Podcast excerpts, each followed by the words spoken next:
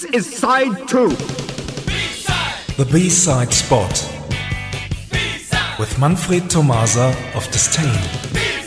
Hello everyone, yo Oren, here is another brain teaser for you. Are you ready? Oh, of course.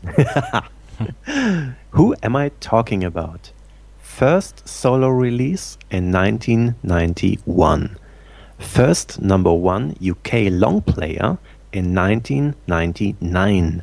Second UK number one long player in 2002. Hmm, that's Moby. Uh, was that too easy?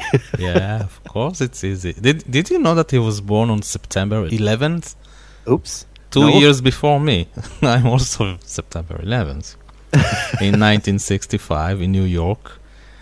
His name was after Moby Dick. From the novel, yeah. Yeah, the novel Rob- uh, Moby Dick. Uh, he was one of the pioneers of techno in the 90s, but did also ambient and punk music during the 2000 era.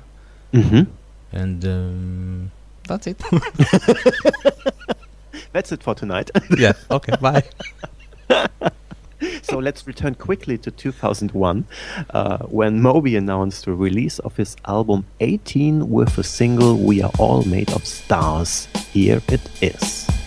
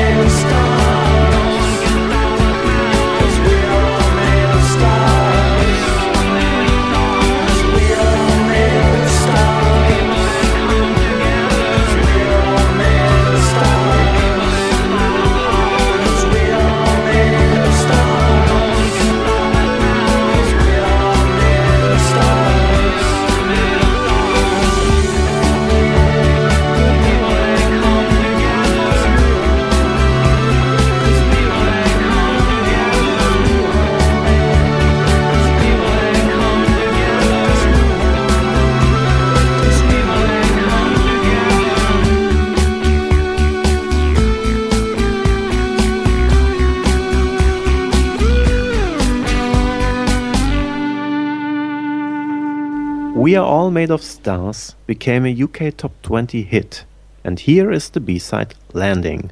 Thanks for listening and see you somewhere in time. Thank you, Manfred. Bye bye. Bye bye.